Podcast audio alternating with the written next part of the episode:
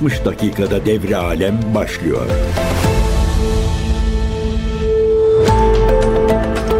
CGTN Türk Radyo'dan herkese merhabalar. Ben Erkin Öncan. Dünya turumuz başlıyor. Tarihlerimiz 16 Ocak 2024. Asya'dan başlayacağız bugün. Kore lideri Kore Demokratik Halk Cumhuriyeti Kuzey Kore olarak da biliniyor. Kim Jong-un Güney Kore'nin değişmez baş düşman olarak tanımlanması için anayasanın yeniden yazılması çağrısında bulunmuş. Kuzey Kore Merkezi Haber Ajansı'nın haberi Kim Yüksek Halk Meclisi'nin 10. oturumunda Güney Kore ile ilişkileri değerlendiriyor ve bu konuşma sırasında açıklıyor bu kararını. Güney ile uzlaşma arayışında olmayacağız diyor Kim Jong-un ve Seul'ün değişmez baş düşman olarak tanımlanması için anayasanın yeniden yazılması gerektiğini söylüyor. Güney Kore ve Amerika'yı askeri tatbikat düzenleyerek ve stratejik varlıklar konuşlandırarak Kore Yarımadası'nı olası savaş bölgesine dönüştürmekle suçluyor Kim Jong-un. Güney Kore ile yeniden birleşme arayışına girmenin imkansız olduğunu da sözlerine eklemiş. Kim ayrıca anayasadaki kuzeyin yarısı barışçıl yeniden birleşme ve büyük ulusal birlik gibi ifadelerin çıkarılması gerektiğini belirtmiş ve Pyongyang'da bulunan ve iki ülke arasındaki birleşmeyi niteleyen bir anıtın da yıkılmasını istemiş. Kuzey Kore'nin tek taraflı savaş başlatma gibi bir isteği olmadığını söylüyor Kuzey Kore lideri. Ama savaştan kaçınmayacaklarını da ifade ediyor ve Koreler arası ilişkilerin acı tarihinden çıkarılan nihai sonuç ulusal restorasyon ve yeniden birleşme yolunda birlikte ilerleyemeyeceğimizdir diyerek e, açık ve net bir açıklamada e, bulunmuş Kuzey Kore lideri. Bunu neden yapıyorlar? Çünkü aslında Kore bugüne kadar birleşmeye ilişkin e, çok sayıda girişimde bulundu. Sadece birleşme değil, ortak ticari bölgelerin kurulması, diyaloğun artırılması, hatta e, ilginç bir bilgi gelir bu aslında e, yeni duyanlara. Yarımada'nın silahlardan arındırılması konusunda da her zaman en e, büyük ve yapıcı anlaşmaları sunan Kuzey Kore tarafıdır. Ancak bu anlaşmalar Güney Kore ve Amerika tarafından reddediliyor. Kuzey Koreliler Güney'i bir kukla devlet olarak görüyorlar. Neden böyle görüyorlar? Çünkü siyaseti doğrudan Amerikan etkisi altında olduğu için aynı zamanda askeri e, yapısı da doğrudan Amerika tarafından belirlendiği için OPCON denen bir yasa var örneğin Güney Kore'de. Bu yasaya göre eğer Güney Kore herhangi bir ülkeyle herhangi bir ülkeden kazı zaten kuzey çatışmaya girerse sıcak askeri çatışmaya girerse Amerikalı generaller Kore ordusunu yönetebiliyorlar. Böyle bir kanun var Güney Kore'de. Ee, onun dışında ekonomik ve siyasi ilişkiler iki ülke arasında belli. Ee, belli ki kuzey yönetimi de artık bu iş olmayacak demeye başlıyor yavaş yavaş. Kore lideri Kim Jong-un'un açıklamalarından bunu anlıyoruz. Güney Kore'de yeni bir açıklama daha yaptı. Yeni bir gelişme var. Guam açıklarında Amerika bir tatbikat düzenliyor Amerika liderliğinde çok uluslu bir denizaltı tatbikatı ve Güney Kore biz de buraya katılacağız açıklamasında bulundu. Bu da Yonhap'ın haberi. Güney Kore Deniz Kuvvetleri'nden yapılan açıklamada donanmanın denizaltı tehditlerine karşı kabiliyetlerini geliştirmek amacıyla deniz ejderhası Sea Dragon tatbikatına Güney Kore'nin de katılacağı açıklanmış. Açıklamada Guam Adası açıklarında e, düzenlenecek tatbikatta 40 deniz kuvveti personeli ve bir P-3 deniz devriye uçağı da görevlendirilecekmiş. Tatbikata aynı zamanda Hindistan, Avustralya ve Japonya'nın da katılacağı belirtiliyor ve tatbikatın birlikleri denizaltıların tespiti ve takibi ile elde edilen verileri katılımcı ülkelerle paylaşma konusunda eğiteceği aktarmış. Aynı zamanda Güney Kore birliklerinin Guam'daki 50-53 Kore Savaşı gazileri anıtını ziyaret edeceği de ifade etmiş. Yani bu ne demek oluyor? Güney Kore, Hindistan, Avustralya, Japonya gibi ülkeler Guam'da o bölgede bir askeri tatbikat yapıyorlarsa bu tatbikat zaten bir Çin Halk Cumhuriyeti'ne karşıdır. ikincisi de Kuzey Kore'ye karşıdır. Dolayısıyla Güney Amerika önderliğinde e, ve bölgedeki diğer Amerikan yanlısı hükümetler bölgede aslında gerilimi artırmaya yönelik adımları arka arkaya atmaya devam ediyorlar. Ancak biz bu tür gelişmeleri ve Çin ve Kuzey Kore gibi ülkelerin buna verdiği yanıtları ve attığı adımları e, yalnızca o adımlardan itibaren aktaran bir e, medya hegemonyasıyla karşı karşıyayız. Biz de zaten bu hegemonyayı da kırmaya çalışıyoruz bir yandan diyelim. Asya Pasifik bölgesinden devam edelim. Avustralya'nın Victoria eyaletinde biri 21 Ekim 2023'te e, kamusal alanda Nazi selamı verilmesi yasaklanmıştı ve biri Nazi selamı verince hapis cezasıyla karşı karşıya kalmış. Bu Nazi selamı 2023'te 21 Ekim tarihinde yasaklanmıştı. Avustralya'da 24 yaşındaki e, bir isim Hersant isimli duruşması yapılmış kamusal alanda Nazi selamı verdiği için ve Hersant'ın bir yıla kadar hapis cezasıyla karşı karşıya olduğu kaydedildi. Duruşmanın ardından e, basın açıklamalarda bulunmuş e, Hersant diyor ki demokraside yaşıyor olmamız gerekirken hükümetin kolumu belirli bir şekilde hareket ettirdiğim için beni hapse atmaya çalışmasının saçma olduğunu düşünüyorum demiş.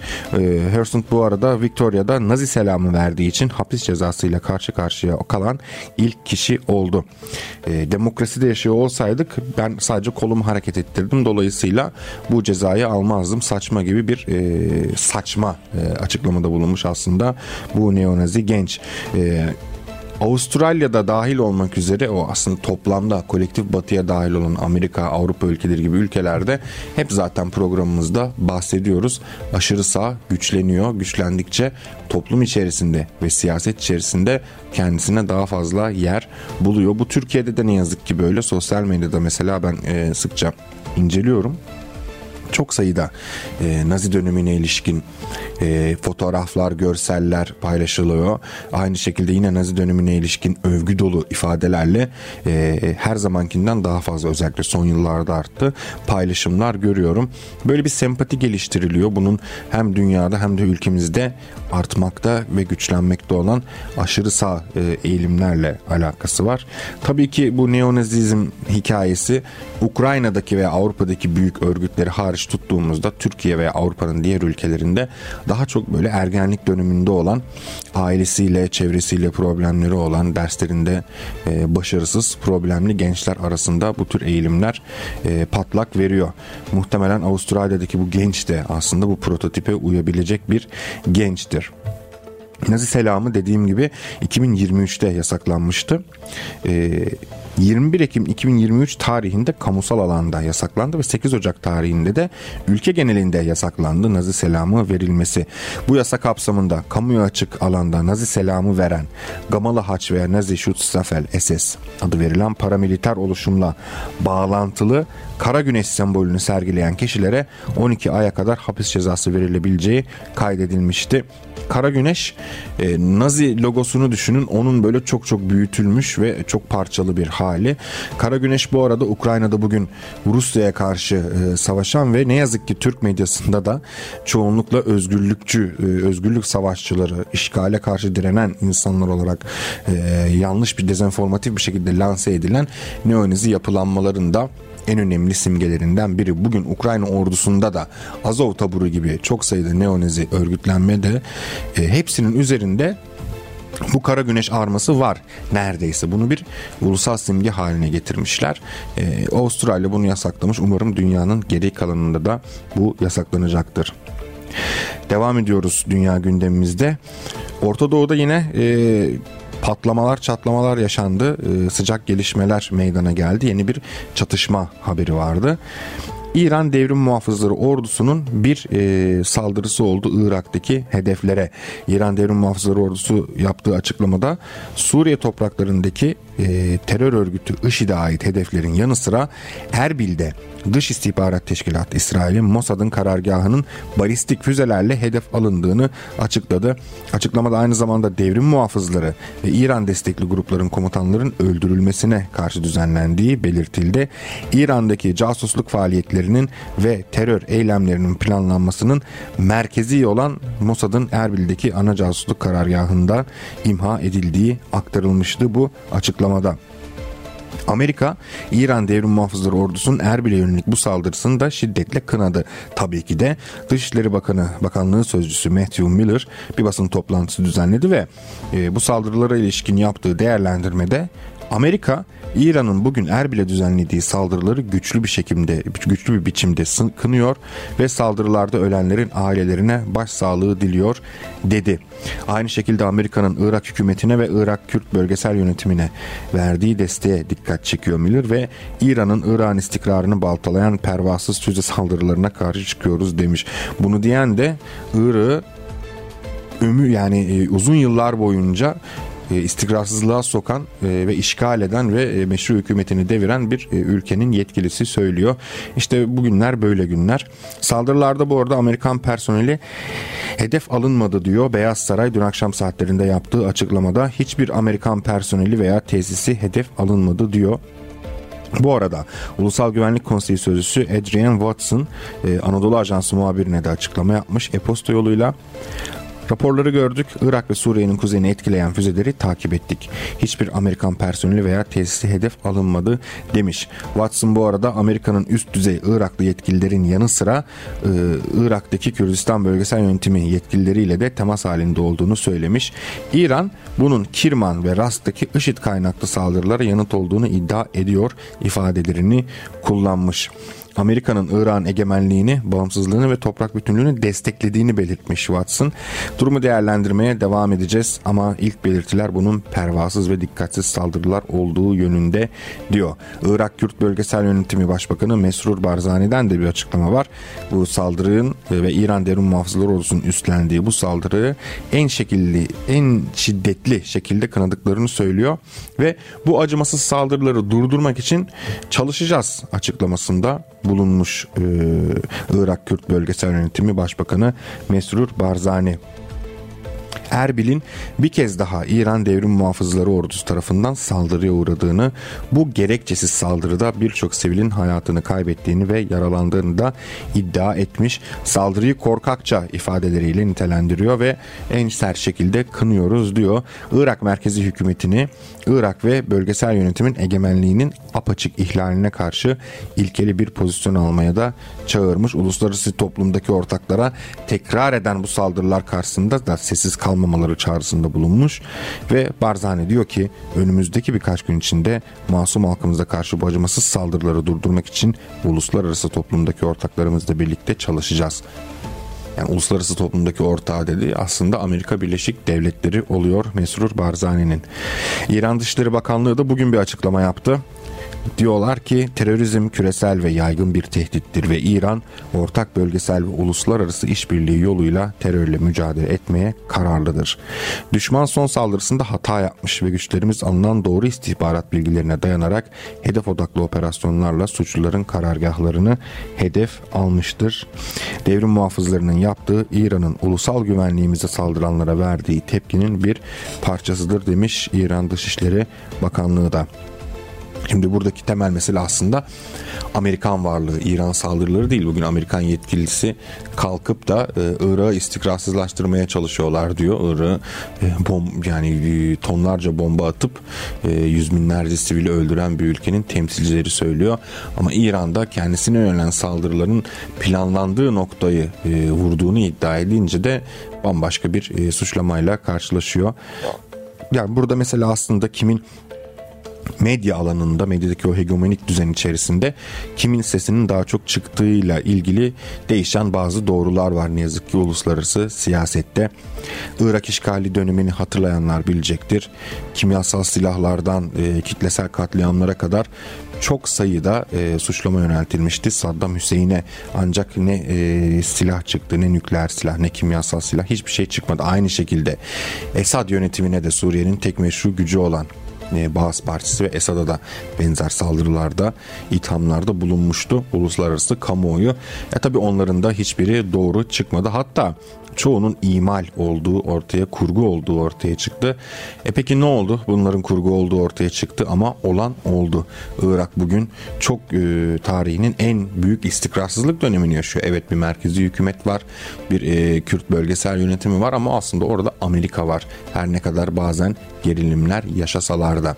E, öte yandan Suriye'de Suriye direniyor. Suriye'ye emperyalist müdahale başarılı olamadı. Ama yine ülke 10 yılı aşkın bir süredir e, uzun bir savaşın içerisine çekilmiş oldu. Bütün bu savaşlar ve bütün bu saldırılar da işte doğrudan o medya hegemonyası dediğim o e, propaganda toplamının yaptığı yayınlar sayesinde oldu. Bütün o güvenilir büyük haber ajansları e, Amerika'nın Irak'la ilgili Suriye ile ilgili öne sürdüğü yalanların hepsini aynı olduğu gibi tekrarladı. Yeni yeni yeni yeni dediğim son böyle hani birkaç yıldır batılı mecralar o doğru değilmiş bu doğru değilmiş demeye başladılar. Ama Libya'ya yönelik saldırılar da aynı şekilde emperyalist saldırganlığın e, pişirildiği dünya kamuoyunun hazır hale getirildiği o ön süreçte bizim bugün bütün e, güvenilir olarak gördüğümüz büyük haber ajansları çok çok önemli bir rol oynadı. Reuters dahil, AFP dahil, e, BBC vesaire dahil. Dolayısıyla basın da burada medyada aslında yeri gelmişken söyleyelim oldukça politik bir alandır. Ne yazık ki bulutların üzerinde her şeyden bağımsız bir e, medya ikliminden bahsetmek dünya genelinde e, kesinlikle mümkün değil. Medya e, kim tarafından fonlanıyorsa Batı medyası arkasında hangi siyasi güç varsa ve ne amaçlanıyorsa ona göre doğruları manipüle edebilen gerçekleri yalan da söylemeden olduğundan daha farklı bir şekilde göstermeye çalışan bir üslupla e, kamuoyunu bir şeylere hazırlayabiliyorlar. Biz bunun en büyüğünü zaten Rusya-Ukrayna savaşında gördük yakın zamanda. Yani mesela Neonezi Azov taburuna ilişkin bugün çok sayıda Batı mecrası da haber yapıyor işte onlar şöyle Neonezi böyle ırkçı aşırı sağcılar ama falan diyerek. E bunlar Alman medyasında henüz savaştan kısa bir süre önce övülüyordu. Ee, üstün savaşma nitelikleriyle öne çıkan Ukraynalı Patriot yani vatanseverler gibi övülüyordu. Amerikan medyasında bunlarla ilgili daha sempatik bir üslup e, tercih ediliyordu. Ama sonra ne oldu? Bu gerçekler ortaya çıktı. Bu gerçekler ortaya çıktıktan sonra da e, kimse o yayılan yalanlar kadar e, kimse aslında göremedi.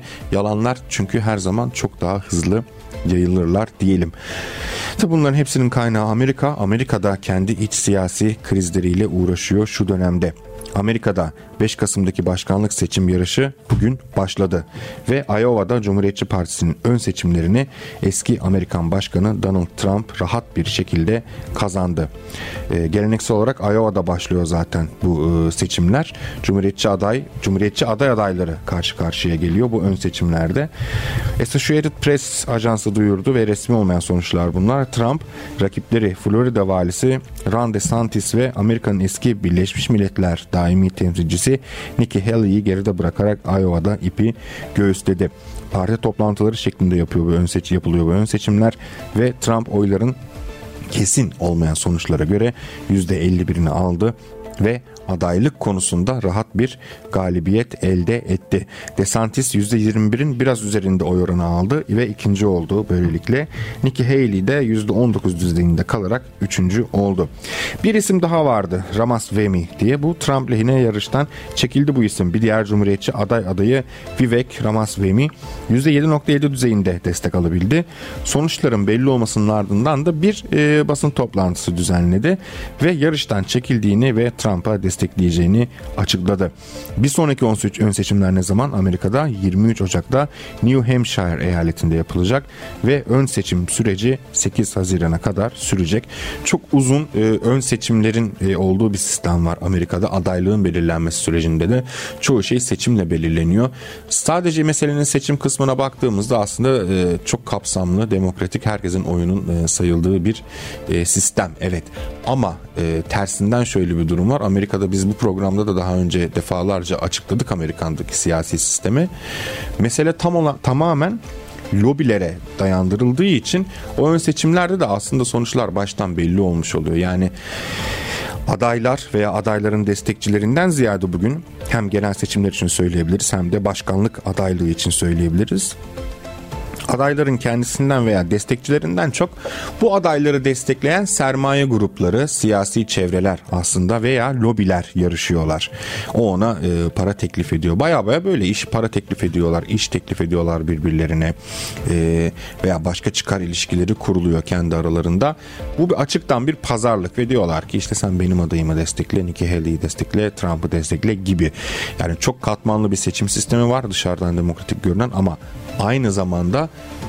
yasal olmasa bile meşru olan bir e, lobicilik e, adam ikna etme rüşvet sistemi de var Amerika'da diyelim ve bu da çok böyle girift çok çetrefilli bir siyasi tartışmalar döneminin kapısını açıyor Amerikan siyasetlerinde seçimler söz konusu olduğunda. Dolayısıyla biz hem Trump'a veya hem de diğer adaylara hem de genel seçimlere hem de adaylık sürecine ilişkin çok sayıda kulis haberi alacağız önümüzdeki dönemde Amerika Birleşik Devletleri'nden. Her çevrenin desteklediği bir aday var ya da her adayın yaslandığı bir çevre var. Bu da herkes tarafından biliniyor. Amerika kıtasından devam edelim. Meksika'nın orta kesimindeki Tlaxcala eyaletinde bir depoda tutulan 726 göçmen yakalanmış operasyon sonucunda ve insan kaçakçılarının elinden kurtarılmış. Meksika basınında çıkan haberler bunlar. Eyalete bağlı San Antonio Coajumolco kasabasında zorla tutulan göçmenler için operasyon düzenlenmiş. Aralarında 75 çocuk var. 726 göçmen, to göçmen toplamda e, kurtarılmış. Olayla ilgili de 4 insan kaçakçısı gözaltına alınmış. Vatandaş Güvenliği Sekreterliğinden yapılan açıklamada göçmenlerin Guatemala, Honduras, El Salvador ve Nikaragua uyruklu oldukları da belirtilmiş. Göçmenler tabi aşırı susuz kalmışlar, oksijensiz kalmışlar. Bazıları dolayısıyla tedavi altına alınmış hastanelerde. Şimdi Amerika'ya gitme hayaliyle insanlar Meksika'ya doluşuyorlar e, ve Meksika'da insan kaçakçılarına binlerce dolar para ödüyorlar ve son derece tehlikeli koşullarda seyahat ediyorlar. Birincisi burada zaten Meksika'da bir göçmenlik e, problemi var ama Amerika'ya doğru giden göçün en son ve en önemli ayağı oldukları e, için böyle bir problem var.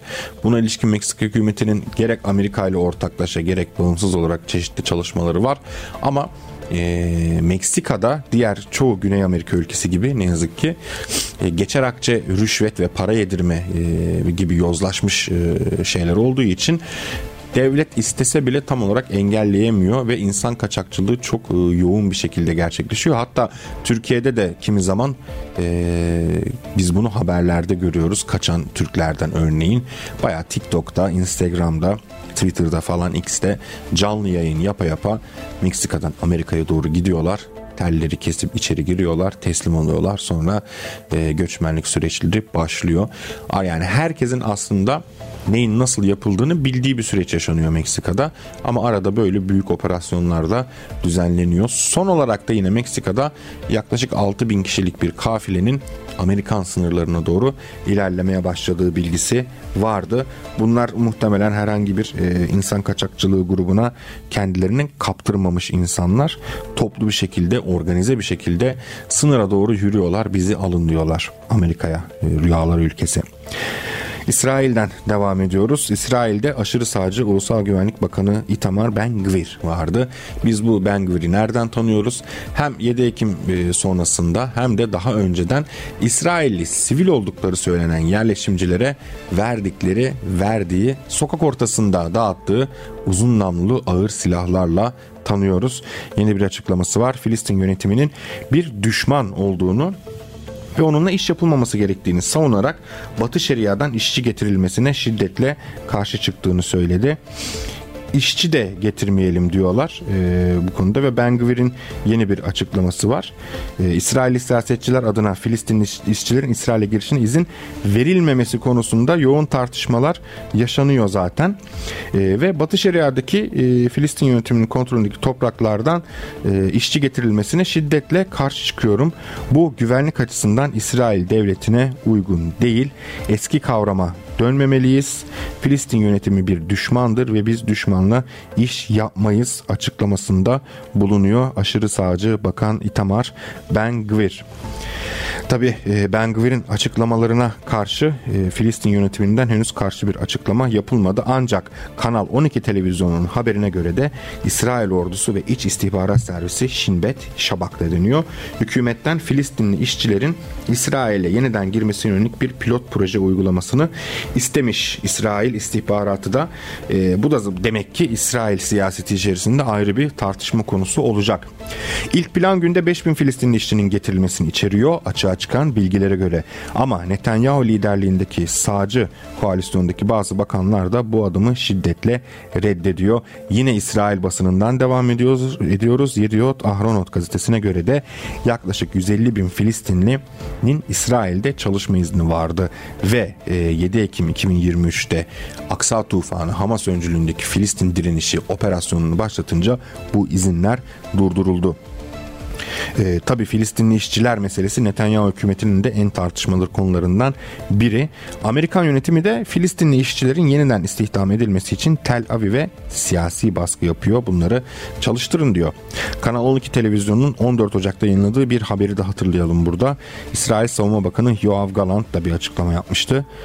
Filistinli işçiler ve Filistin yönetiminin mali kaynakları sorununu çözmek de dahil olmak üzere Batı Şeria'daki gerilimleri mümkün olan her şekilde önlemeliyiz demişti Savunma Bakanı.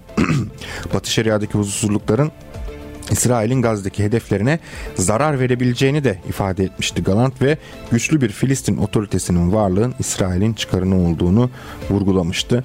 Yani belli ki bu konuda da e, İsrail siyaseti içerisinde çeşitli tartışmalar, çeşitli anlaşmazlıklar yaşanıyor. Almanya'dan devam ediyoruz. Almanya tarihi günlerden geçiyor yine e, çünkü ülkede e, son dönemin en kapsamlı, en büyük eylemleri yaşanıyordu. Son geçtiğimiz bir iki haftada çiftçiler ayaklanmıştı. Ve e, niye ayaklanmıştı bu çiftçiler? Berlin'de hükümetin e, sübvansiyonları kesme planına karşı protestolar düzenliyorlardı. Artan yakıt fiyatları ve genel olarak ekonomi başlıklı protestolar düzenleniyordu. Ve dün de e, bir büyük mitingle bir son mitingle Berlin'i çiftçiler e, işgal etti, akın ettiler. Ancak şöyle bir e, mesele var. Şimdi onlarca hatta yüzlerce traktör geldi Berlin'e dün. Bir traktör konvoyu oluştu ve burayla yani Berlin'e traktörle giden çiftçilerle dayanışma gösterdiği için bir itfaiye eri hakkında inceleme başlatıldığı öğrenildi. Sosyal medyada da yer aldığı görüntüler e, itfaiye eri e, itfaiye merkezi önünden geçen tra- traktör konvoyunu görüyor e, ve alkışlayarak destek veriyor. İşte Batı demokrasisi. Alkışlayarak destek verdiği için de bu isim hakkında inceleme soruşturma başlatıyor. Berlin İtfaiyesi Teşkilatı'nın sözcüsünün de bir açıklaması var. Prensip olarak memurların görev sırasında tarafsız olma yükümlülüğünü e, hatırlatmış. İtfaiye teşkilatındaki ilgili birimin kamu hizmeti yönetmeliğinin ne ölçüde ihlal edildiğini açıklığa kavuşturmak amacıyla olayı ince. Ya tartışılan olay da şu. Traktör konvoyu geçiyor. Sosyal medyada ben de, ben de inceledim. Bir tane itfaiye eri alkışlıyor. Bu işte kamu hukuku, görev sınırları vesaire bir tür böyle e, güzel tanımlarla itfaiye hakkında inceleme başlatmışlar. E sebebi de şu. Almanya'yı kasıp kavuruyor bu eylemler. Daha da büyüyecek. Bu arada bugün bu konuyla ilgili Almanya'da yayın yapan bir meslektaşımla CGTN Türk'te bir e, yayın yapacağız YouTube kanalında. Daha sonra yayınlandığında da izlemenizi tavsiye ederim. Bu görüntü bu arada 14 Ocak akşamı internete yüklenmiş ve binlerce kişi de izlemiş. E, çiftçiler tasarruf önlemlerini de protesto ediyorlar. Tarımsal dizel sübvansiyonunu kaldırmak istiyorlar. E, kaldırmak isteyen hükümeti protesto ediyorlar. Binlerce çiftçi e, Berlin'de bir araya gelmişti. Bir tane itfaiye de bunları alkışladığı için vay sen nasıl alkışlarsın e, senin bir kamu görevin var sen bunu yapamazsın adı altında e, cezalandırıyorlar bu işçiyi de. Evet bu arada Amerika Amerikan istihbaratı Hamas'ı Hamas Amerikan istihbaratında dördüncü seviye güvenlik önceliğindeydi ve dördüncü seviye güvenlik önceliğinden ikinci seviyeye yükseltildi Hamas'ın e, güvenlik önceliği. Yani bu da Washington yönetiminin Hamas'a yönelik istihbarat odağında bir artışa işaret ediyor. Doğrudan e, Amerikan istihbaratının da dördüncü seviye değil ikinci seviye yani daha böyle e, alarma geçiren bir pozisyonda Hamas üzerinde çalışması ve operasyonlar düzenlemesi bekleniyor. Doğrudan Amerikan istihbaratı bu operasyonları düzenler mi bilinmez. Ee, İsrail ile yaptıkları bilgi paylaşımı, enformasyon akışını da dahil olabilir bu süreçte. Ama Hamas artık daha büyük bir tehdit olarak kabul ediliyor Amerika'da. Evet yavaş yavaş programımızın sonuna geliyoruz bugün de. Kısaca bir e, şeyden daha bahsetmek istiyorum son haberden. Şimdi Ukrayna gündemi aslında biraz çatışmalar durmuş durmuş gibi donmuş gibi e, görünüyor ama aslında o yoğun e, süreçler siyasi krizler devam ediyor bu arada. Letonya'da yaşlı Rusları sınır dışı etmeye başladılar. Gerekçesi Letonya bir karar geçirmişti 31 e, Mart'a kadardı yanlış hatırlamıyorsam. Letonca sınavını iki kere geçemeyen oturum izni bulunmayan Ruslar ülkeden gitsin demişlerdi. Bir Rus 82 yaşındaki bir eski savaş gazisini gönderdiler. Dün de e, yine 79 yaşındaki bir görme engelli bir Rus kadın sınava giremediği ve sınava giremediği için mazeret sunmadığı gerekçesiyle emekli maaşı kesildi. Sosyal yardımları kesildi. Hasta bir kadın görme engelli ve ülkeden de sınır dışı edileceği öğrenildi. Bu raddeye geldi işler artık Rusya'yla. Ve Amerika ve İngiltere'den iki önemli gelişme var. Ben buna ilişkin geniş bir yazı yazdım. CGTN Türk internet sitesinden okuyabilirsiniz ama şöyle kısaca bahsetmek istiyorum. Dün programda bahsetmiştik. Almanya'nın istihbarat raporu var. Bir hazırlığı var. Bild ele geçirdi bu belgeleri. Diyorlar ki Rusya güç yığacak Kaliningrad bölgesine, Suvalki koridoru bölgesine ve oradan NATO'da 30 bin Alman askeri de dahil olmak üzere bölgeye akın edecek. Çok büyük güçler karşı karşıya gelecek diyordu. Buna bu e, rapor tartışılırken e, ne olmuştu? Daha önce İngiltere Başbakanı Rishi Sunak Ukrayna'ya ziyarette bulunmuştu.